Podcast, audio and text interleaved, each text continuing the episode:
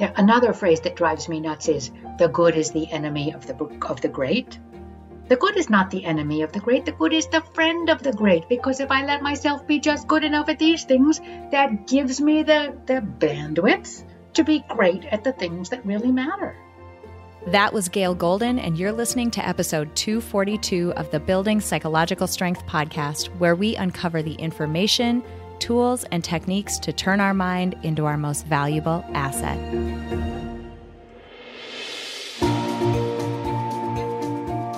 The courage to face fears with persistence. Being able to be present enough in this moment to choose my response thoughtfully. We have the strength to bend to life stressors, to bend to adversity without snapping, without breaking. There are only six things that contribute to our quality of life, and they are all experiences. In every moment, we are deciding who we want to be and how we want to live our lives. Noticing what your brain is doing and then being able to make choices. Mobilize the things that we know lift us up. Hey everyone, welcome back to this episode of the Building Psychological Strength podcast. My name is April and I'm your host. You are in for a treat this week, a serious treat. This is probably one of my favorite episodes that I have done in a very long time because we're talking about a topic that is so near and dear to my heart, I just can't even stand it. I'm so excited. Every once in a while, as I'm out there on the internets, I come across someone that becomes the focus of my laser beam that they must be on this podcast. And that's what happened when I stumbled across this week's guest. I heard her on another podcast. I heard her message. I learned about her book, which I'll talk about in just a moment. And I knew that I needed to bring her on an episode of this podcast because of how powerful the message she has is. This week's guest is Dr. Gail Golden. She is the author of the book curating your life, ending the struggle for work life balance. You know why I'm excited about her. Talk about a beautiful companion or another way of thinking about life design. The whole reason why I got excited about life design is it's all about figuring out what makes you tick, figuring out what's meaningful to you, figuring out what you personally want, and crafting your life around it. What I love about Gail's book is she gives this beautiful analog for how to do that, specifically around curating your life in a way that is similar to the way a museum curator would curate an exhibit. In this episode, she talks about that whole process, including things like deciding what's important to you. What is your exhibit going to be about? She talks about saying no, deciding what doesn't belong in your exhibit. And you have to listen. If you don't listen to anything else in this episode, which you should listen to the whole thing because it's all so good, but listen to the part about saying no. She goes into something in her book that no one else does. If you've been told and given the advice, oh, you need to say no to things so that you make room for other things, and you just haven't been able to put it into practice, this, what she talks about in this episode and what she goes over in her book, is probably why. She also talks about embracing mediocrity and when that's a good idea versus choosing greatness and when we should do that. This process of curation is one that is so profoundly powerful.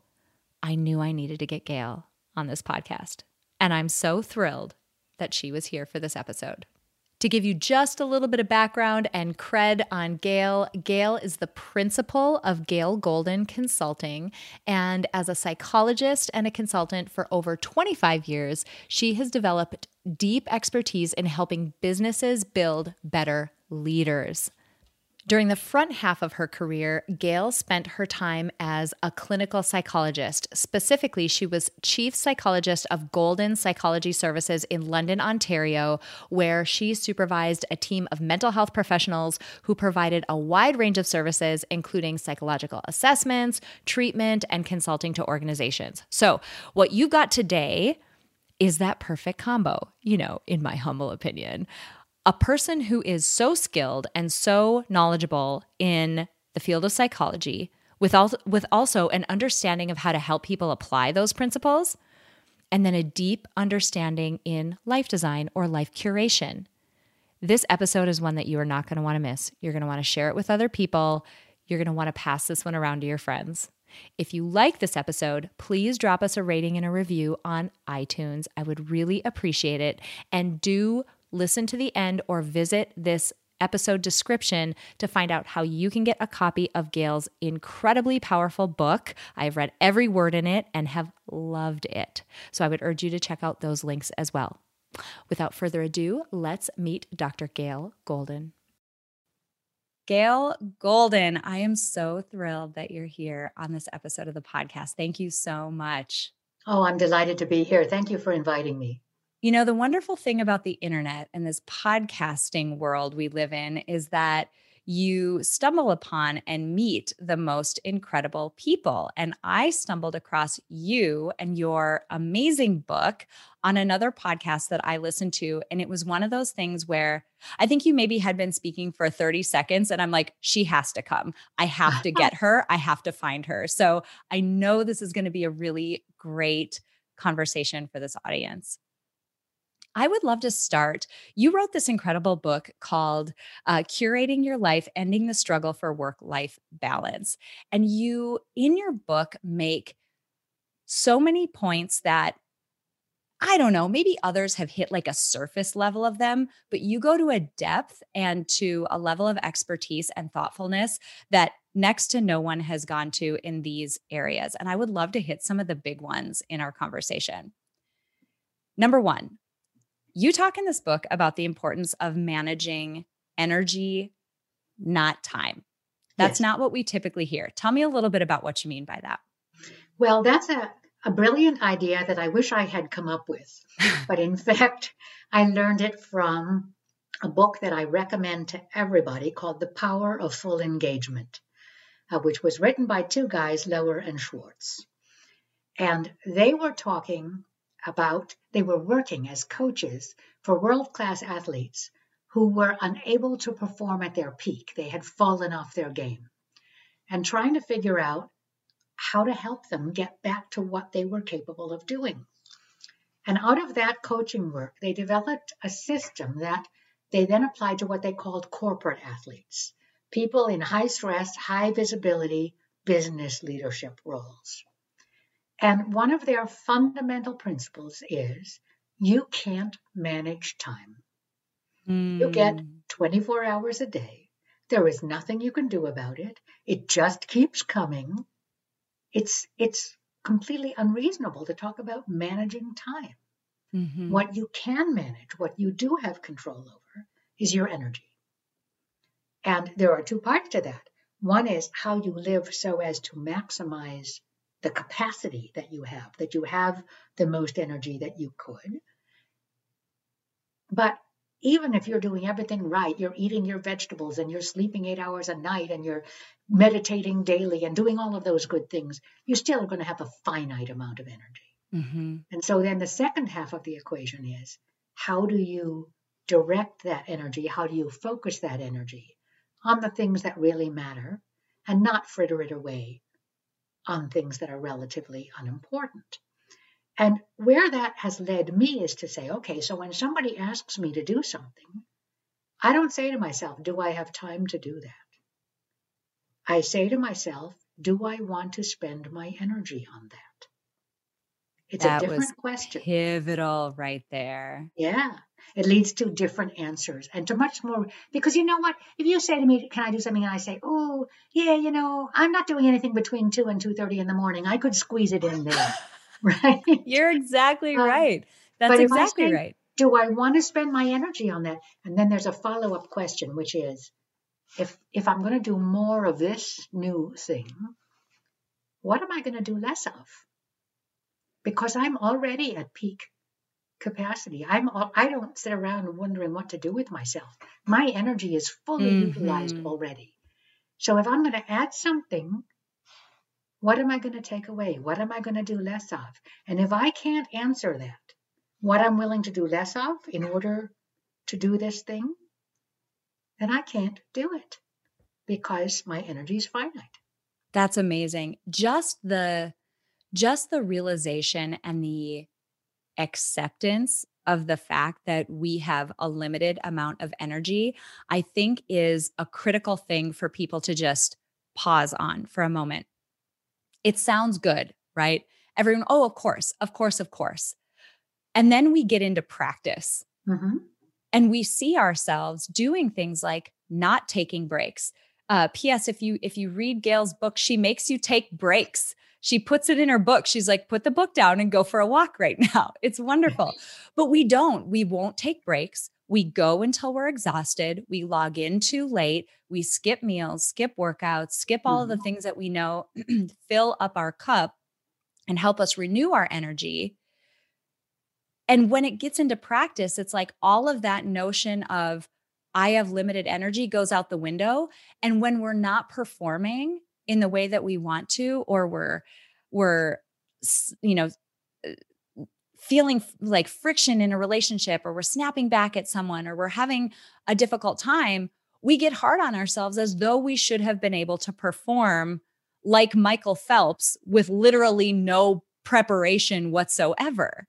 Right, right. And and furthermore, Michael Phelps, who was the greatest in the world at what he did, I bet you there were a whole lot of things he wasn't doing because he Right. was spending eight hours a day in the pool becoming the greatest swimmer in the world. Right. He wasn't, you know, learning how to make souffles or becoming a great ice skater or fostering 17 children. I doubt it because his energy was going into that thing that was his greatness. Absolutely. Yeah, absolutely. And then you talked a bit in just a moment ago. You mentioned making this decision about what is going to get your energy, or basically making the decision based on energy versus time and what's going to get your energy and then what Mhm. you're going to take away. Mhm. The way that you describe that process in the book is such a beautiful analog. You talk about it with the term curation. Can you Right. talk about where that term came from and what it looks like in practice? Sure. I mean, to be honest, I think I latched onto the term because it was a very trendy word at the time that I started writing the book. People were having, you know, curated collections of uh, uh, makeup that's sent to you every month, or you know, wine or whatever. That curation was all around. It's still a very popular word, actually. Um, and I just one day I started thinking about what if we thought about managing our energy and our lives the way a, a curator thinks about his or her job. And, and I guess the image I used most was that of a museum curator. Mm, So I work for some big art museum somewhere, and the and the, the, the president of the museum comes and says to me, Gail, I want you to curate. I don't really do this. I'm imagining. I want you to to curate this exhibit. The first thing that I need to be very clear on is what is the exhibit about? Mhm. What what is what is this exhibit designed to do? Um, because the museum has thousands of beautiful things in the exhibit. So how am I going to decide what should go in my exhibit? And once I've gotten clear about what it's about, then I've got a very tough decision because I've got to think about lots of things that don't fit in my exhibit. I might love them. They might be really beautiful and valuable. Maybe I'll use them for another exhibit at another time, but they don't fit in this exhibit. So, no, they're not going to be displayed in my exhibit at all. And then there are things that, okay, I'm going to put them in my exhibit, but they're not the main thing. They'll be off in a side room somewhere. If somebody's really interested, they can learn about that thing. And then there are the one or two or three spectacular pieces that are the focus of the exhibit, the thing you see when you walk into the Great Hall, the thing that goes on the poster for the exhibit. And I thought, what about if we were to think of our lives that way? First of all, what is my life exhibit about right now? What's what matters to me? What are my values? Where does my greatness lie? What do I want to be remembered for? All those kinds of things, which of course changes over the course of your life. It should. Mhm. It'd be kind of sad if it's the same when you're 80 as when you're 20. Um, but what what's that for me right now? And then the next hard thing is given that that's what my exhibit is about, what am I doing in my life that doesn't fit? It's not part of this exhibit. It doesn't belong. Maybe I'm never going to do it. Maybe I'll do it at another time. One of the things I did when shortly after my first son was born was I sat down and made a list of all the things I did before that baby was born that I wasn't doing anymore. There was a lot of stuff on that list. It's a lot of things. It's a lot of things. and some of them I was kind of glad to get rid of, and others were things that mattered to me and I would have liked to do them, but they didn't fit. They just didn't fit. Some of them I reclaimed later on. Some things were gone forever. So there were all these things you have to say no to. And that's not easy because, first of all, you may be sad yourself to let go of something, but also sometimes other people are not so thrilled with your decision about what you're saying no to. So there's a whole bunch of negotiation that has to go on sometimes. But that's the first. Then the next piece is what I, you know, the things in the side rooms. So what goes into my exhibit, but it's not the main thing. It's not the most important thing. I have to do these things, they have to be in it. But I don't have to be great at them. I just have to be good enough. Just good enough is good enough. In fact, when I really want to bug people, I talk about embracing mediocrity. And the reality is that for all of us, many things, in fact, most of the things we do in our lives, we're just good enough. We, you know, of the of the hundred things I do in a day, probably 85 of them are just good enough, and 15 I hope are really excellent. Mm-hmm. Um, so then we waste energy feeling guilty and bad about right. the mediocrity rather than saying that's my choice. You know, my I'm not an extraordinarily good housekeeper. My house is never going to be on the cover of Architectural Digest or you know one of the the the, the home decor magazines. It's not filthy. And generally, like countertops are reasonably neat. But if you open a drawer, heaven help you. If it's hidden, I don't care, you know? So that's mediocre housekeeping. I'm fine with that. That's not my greatness. That's not what I want to be remembered for. So that's the second piece. And that's really hard for most people. But if you do those two things, if you say no to the things that don't fit, and you let yourself be good enough, then the good news is you have the energy to be great at the things that really matter.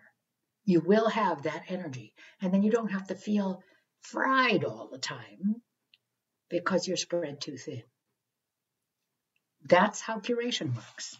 Can we have a moment of silence? that was incredible. And here's what I love I mentioned at the beginning that you go to a level of depth and expertise and just thoughtfulness about each of those points that I've never seen someone else do. For example, you mentioned saying no. Lots of people, that's their advice say no, say no. What they don't talk about and why it continues to be something that, frankly, people don't put into action is no one talks about. And you go to this ad nauseum in your book how I loved it though. I needed that. I needed you to tell me in detail how hard it was going to be to say no. Because what we hear from people is when we tell them to say no, look at your schedule. There's so much on it. Look at your responsibilities. There's so much on it. You need to say no to something. They say, I can't. And so many times, and oh man, people are going to get mad. They're going to get mad and write to me, and that's fine. Um, because sometimes you just have to hear the hard truth Sometimes that I can't response really is I don't want to because it's really hard. And you need someone like you to say, I'm telling you, you still need to say no, even when it's difficult. Right, right. It is difficult. I mean, for all kinds of reasons. There, there are the, the external reasons. This person is going to be disappointed, mm-hmm. or they're not going to like me, or it's really like it's a really meaningful thing and i ought to be able to to do you know there are all those and then there's that voice in your head that says you're such a loser mm-hmm. everybody else figures out how to get this done what's the matter with you that you can't fit this in somehow you know you're, you're letting people down what a disappointment you are you're doing it to yourself at the same time in many cases. And so learning how to deal with both of those things, both your own critical voice inside your head, what I call the obnoxious roommate Mm-hmm. who lives inside your head, and also developing the social skills to say no to people. And now, look, sometimes you can just say, no, go away, don't bother me again. you know, you're trying to sell me something I don't want, I don't know you, I don't have any obligation to you. Please quit calling me, you know, fine. But many times it's, there's a relationship that I want to maintain. And I have to say no to somebody that I care about or I work with or who's my boss. And then that's about being able to do that in a way that respects the relationship, but makes it very clear that I'm not going to do that. Mm-hmm. And that's where the skill set comes in. What's something that you had to say no to at some point in your career that was tough to say oh, no just to? recently it happened. Um, a few months back, a colleague whom I really like and respect came to me and said, uh, Gail, I'd like you to think about taking over the leadership of a professional organization That's a big that I'm, deal. a, that I'm a member of. And it's a good organization. And it was really an honor that he was asking me to do it. And I thought about it and I thought, gee, you know, I could do this and I could do that. And, you know, and then I thought, okay, Gail, you wrote this book, so listen to your own good advice. Does this fit into your exhibit right now? And I thought, well, my exhibit is about three main things right now keeping my business, this was during the pandemic, keeping my business going and, and doing good work and making a living, getting the word out about my book and selling my book, which I'm very invested in, and being the best grandmother I know how to be. Mm. Those are my three big things in my exhibit. So let's see, will taking on this role help my business? Probably not, because the people in this association are people like me. If anything, they're my competitors.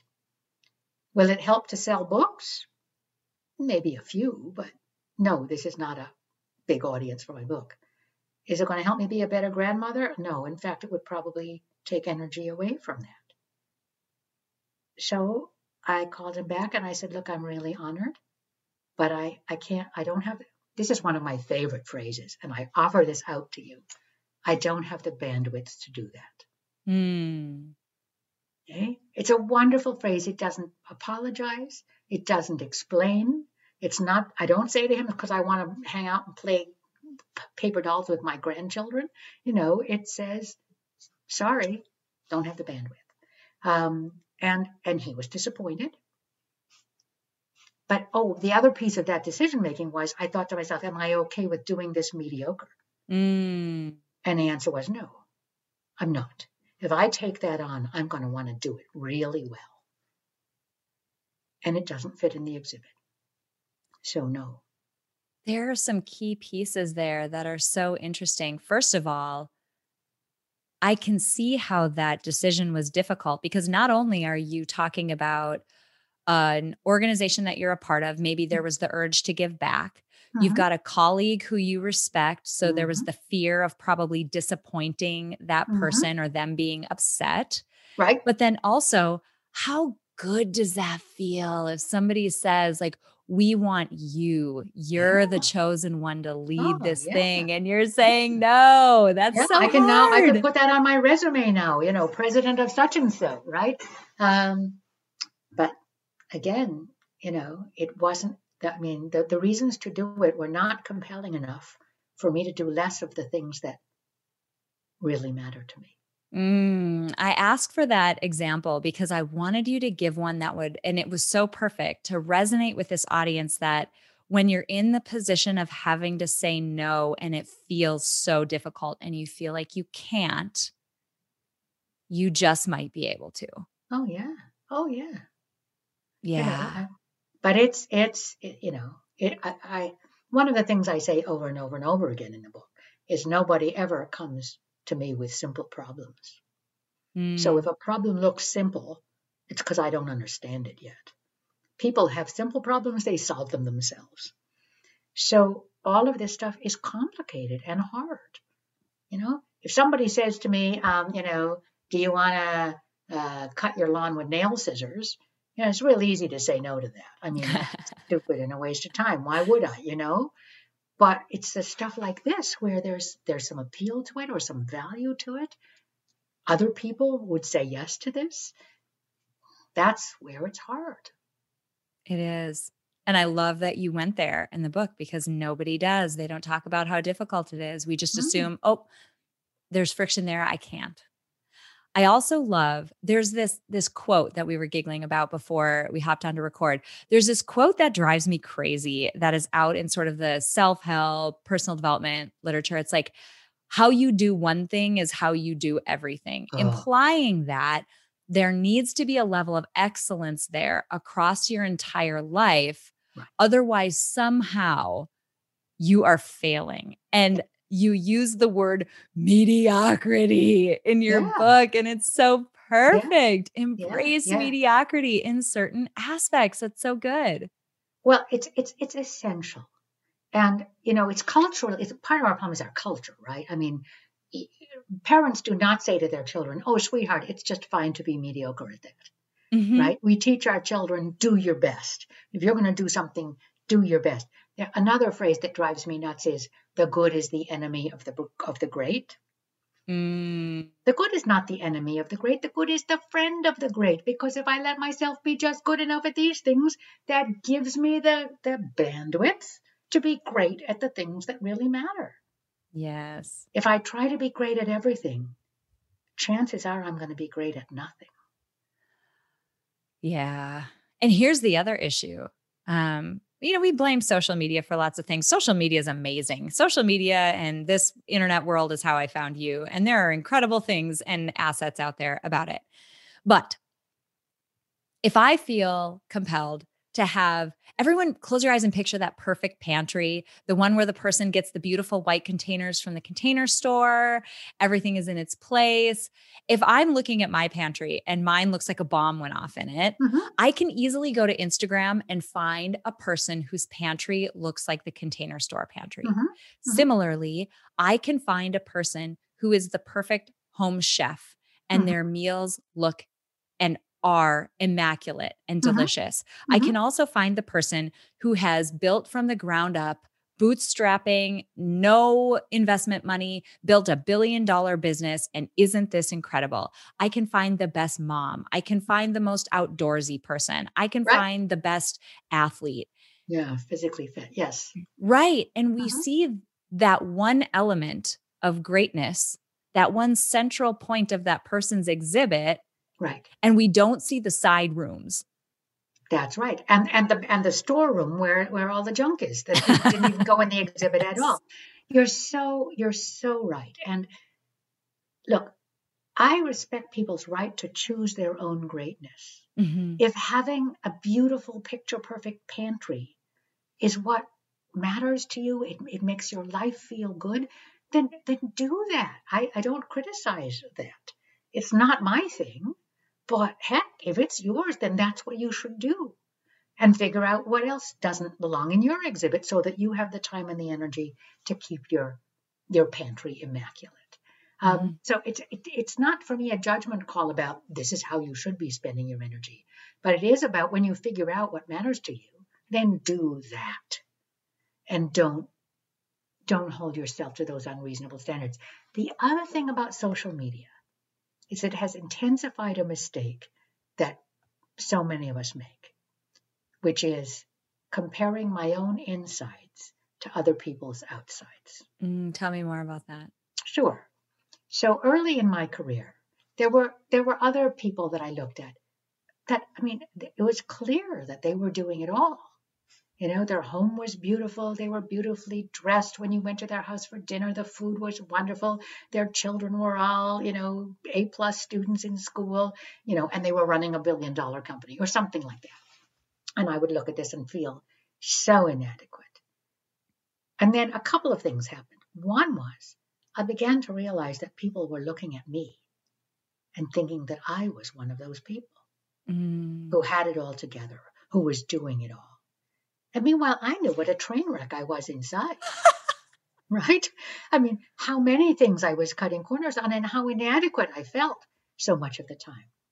And then in my work as a therapist, which was the first half of my career, I began to have all these clients who were those people who looked as if they had the whole thing together. And I would hear their pain. I would hear their sense of inadequacy. I would hear their exhaustion. And I would think, holy cow, you know, how people look on the outside is not how they're feeling on the inside. Mm-hmm. And don't compare your own insides to other people's outsides. It's a losing game. It'll just make you feel lousy. So don't do that. That's so profound. And we do, we do that all the Mhm. time. We assume, and part of it is just that, right? We get very wrapped up in our own situation. We have a hard time thinking about the complexity and the nuance that another person might be going through.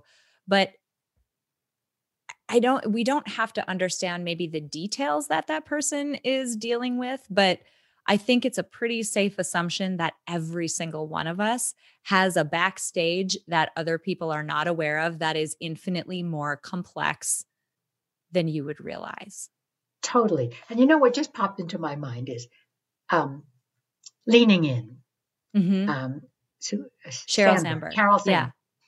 She tells a story in there of how she used to put her children to bed in the evening in their school clothes. So that when they got up in the morning, they were already dressed for school. That, I'm sorry, that is pretty mediocre. That your kids are sleeping in their clothes and then going to school in those stinky clothes they wore all night in bed. You know, that was my reaction to that. And I thought, God bless you for telling us Mhm. because you are this woman who's doing it all. And I would expect you to dress your children in designer clothing that were fresh from the cleaner every single morning. Or no, you had washed them by hand with stones in the stream. You know what I mean? and so, I mean, that's the truth. We're all. We're all cutting corners. We're all letting things fall through the cracks. We're all doing things mediocre. Some of us are better at keeping that facade than others, but Mhm. so again, instead of feeling guilty and inadequate about that, say, yeah, that's my choice. I let my kids sleep in their clothes. It makes life easier in the morning. That's. Yeah.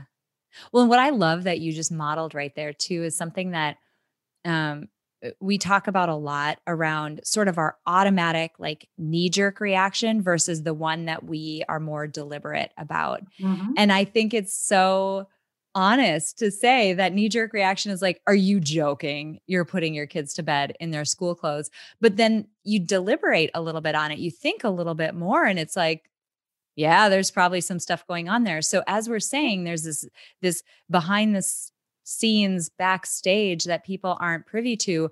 Your knee jerk reaction might still be to assume that that person has it all together, but Mhm. for just a moment, consider that there's probably a lot that you don't know about. There's another piece too in what I just said, which is look, I reacted to her statement about how she lets her kids sleep with judgment. Mm-hmm. Absolutely. Yeah. You know what? And people do. Yep. We judge each other. Now, we don't judge each other as much as people think we. Like people are not judging you as much as you think. Frankly, they're thinking about a lot of other things rather than you and what you're doing and not doing. But having said that, sometimes people judge. And sometimes people won't agree with your choices and they'll think she should be doing more of this and less than that. You know, if you're going to lead a curated life and you're going to be great at the things that matter to you, you got to you got to accept that not everybody is necessarily going to agree with your choices all the time. Yeah. We were talking before we jumped on to record about life design and what we practice within Peak Mind. And one of the, we have these principles of life design. And one of them is that it, it, it again sounds very surface level, but there's more, there's a, something profound underneath it that you are at the center of your life. Mhm. And when I say that to people, they're like, but wait, I have kids and I have a Mm-hmm. spouse and I have a team at work and a boss and whatever. And I'm like, right. They have their own lives. Mhm. The same agency that I'm asking you to take, an intention that I'm asking you to take, they are invited to do the same thing. And in where that judgment comes from, I think is this desire to have agency. And what if we could just redirect that to our own situation? Like, let's focus. You talk about managing energy. Let's focus that energy on Yeah. cleaning up our own exhibit and Yeah. making it work for us. I just love Totally. that. You know, another twist on that, and this is something I often use when I'm coaching executives, is one of the most important assets of your business is you. Yes. You know, you take very good care of your intellectual property. You take very good care of the machinery. You take very good care of the of the computers, and you take, you know, because these are important assets. And if they break down, your your business is going to be in trouble. And if you break down, your business is going to be in trouble. So you see, in the same way that in your personal life, designing your exhibit, your design around you, you are the center. I think the same thing is, in a sense, is with that notion of seeing yourself as a really valuable asset in the work world that has to be taken care of and focused appropriately on the most important tasks. Mm-hmm.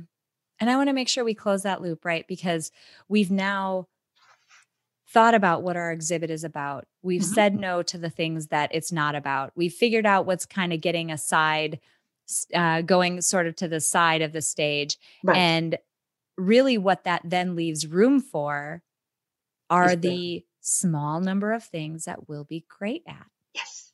Yes. And how wonderful is that to be able to to be great. Mm-hmm. And by the way, when I'm talking about greatness, I'm not necessarily talking about fame. I'm not necessarily talking about making, making lots of money. There are people who are famous for what they're great at. There are people who are famous for terrible mistakes they made. Mm-hmm. Um, and there are lots of people who are great that will never be famous. I mean, my my my goal of being a really great grand, a, a wonderful grandmother, I'm never going to be famous for that.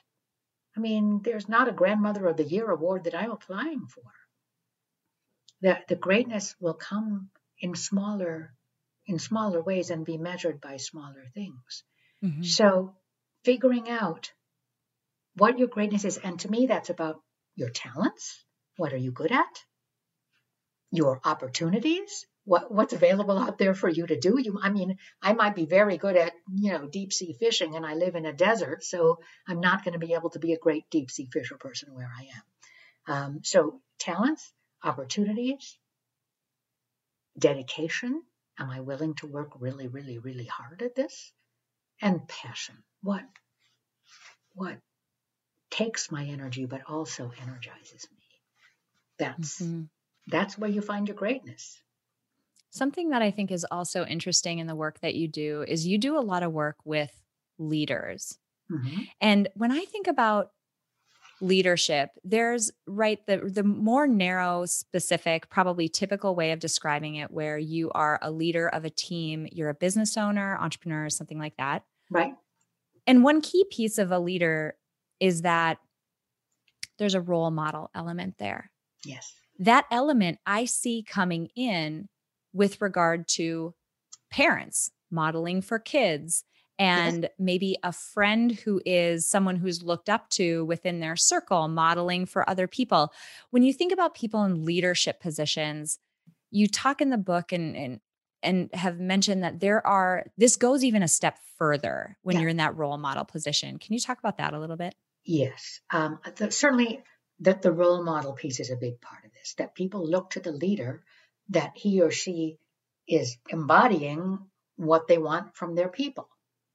You know, I mean, to me, one of the bad mistakes to make as a leader is to send emails at, you know, 10:30 at night or 5:30 in the morning. Now, I'm an early bird. I might be at my computer by six o'clock in the morning, but I'm not sending you an email at six o'clock in the morning because of the message it sends, which is, why aren't you already at your desk? Mm-hmm. You know, I am. Why aren't you?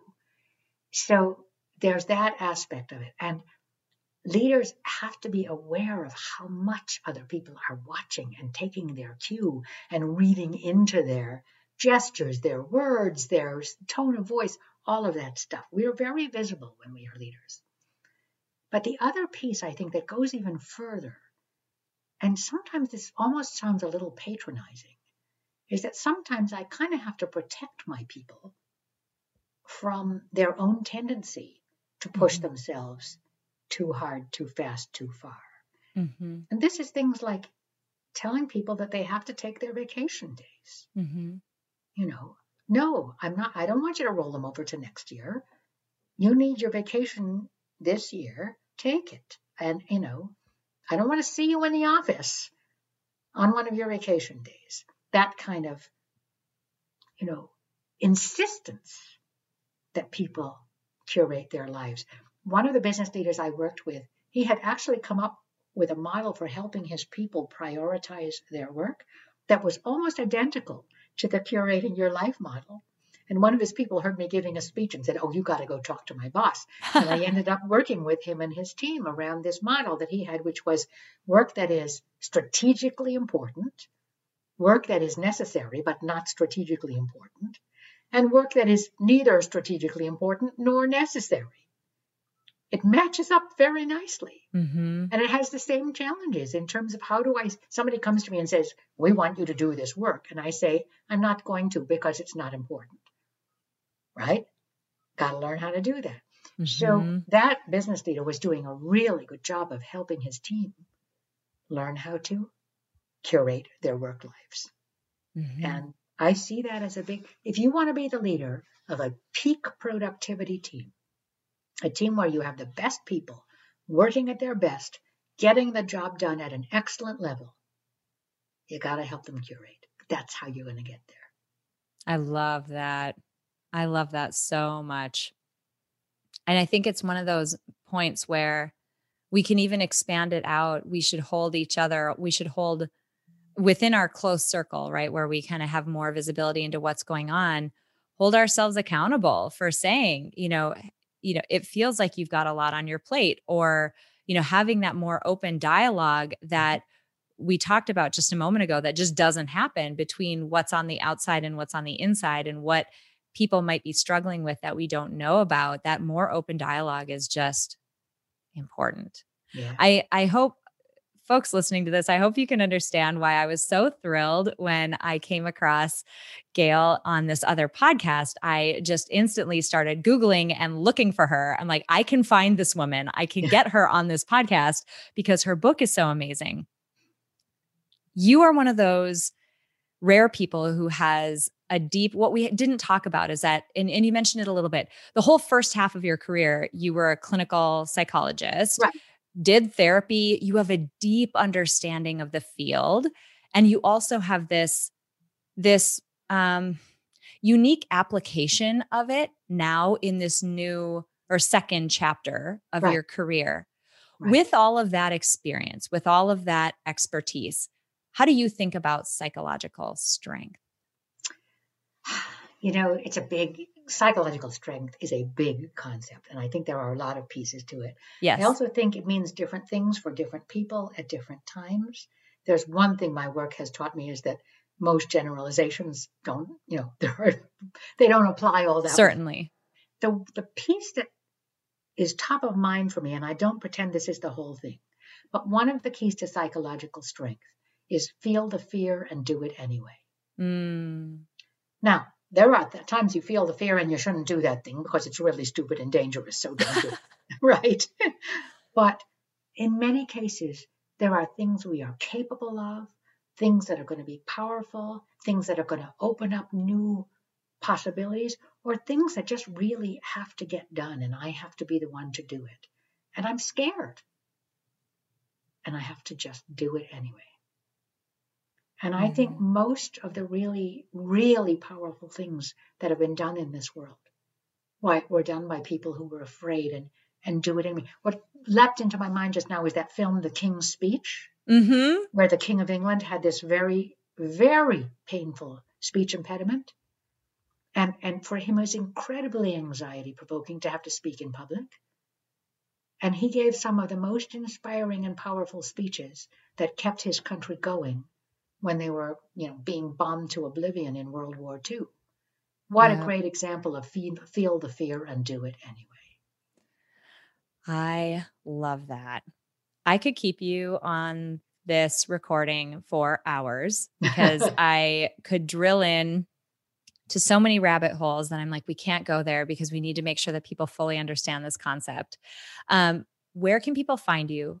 Where can they get your book? I I've read it every word in that book and it was so wonderful. I literally used your as I reached out to you, I told you I said no to a couple of things that were coming up because they just didn't fit and it would have been unlike me. I would have just figured out how to make it happen. So I can't speak highly enough for it. Where can people find your book and learn more Thank about you. you?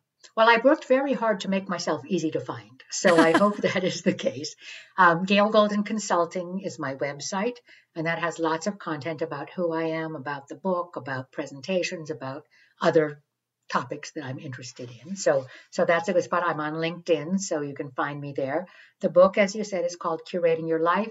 It's available. It isn't available in bookstores, but through online booksellers, Amazon, and other online booksellers.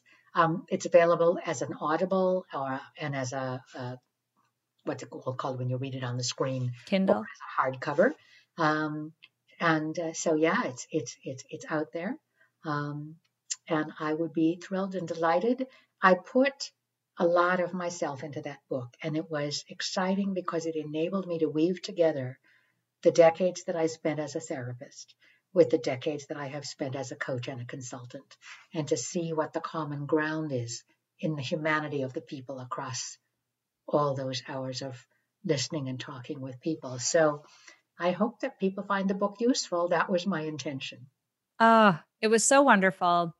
And this conversation has been incredibly thoughtful and just exactly what I was hoping that we could bring to this audience. Thank you so much for willing being willing to be here and for sharing your expertise and your background and this incredible method with us. It was so great. Well, thank you. Thank you for your great questions. It's been really intriguing to, to engage with you around all of this. I appreciate the opportunity. So thanks again. It's a simple fact that nearly everyone in the world could benefit from building psychological strength. But not everyone will put in the time and effort to do so, but today you did. Thank you so much for listening to this episode of Building Psychological Strength. Now, if you're interested in building the mental toughness, confidence, and resilience you need to thrive through life's ups and downs, visit us at www.peakmindpsychology.com. Also, if there's someone in your life who could benefit from this episode, please share it with them. And if you yourself found this episode valuable, meaning if you took away even one insight that you can use to build psychological strength in your own life, we would so appreciate it if you would drop us a rating and a review on iTunes. The thing is, the more ratings and reviews we have, the easier it is to get this powerful and important content out to the people who need to hear it. Remember, your mind can be your most valuable asset or your biggest liability, and you get to choose. So choose wisely, my friend. And I'll see you next time on Building Psychological Strength.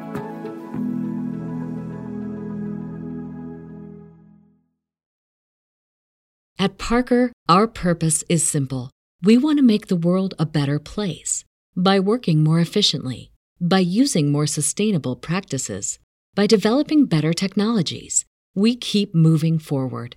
With each new idea, innovation, and partnership, we're one step closer to fulfilling our purpose every single day.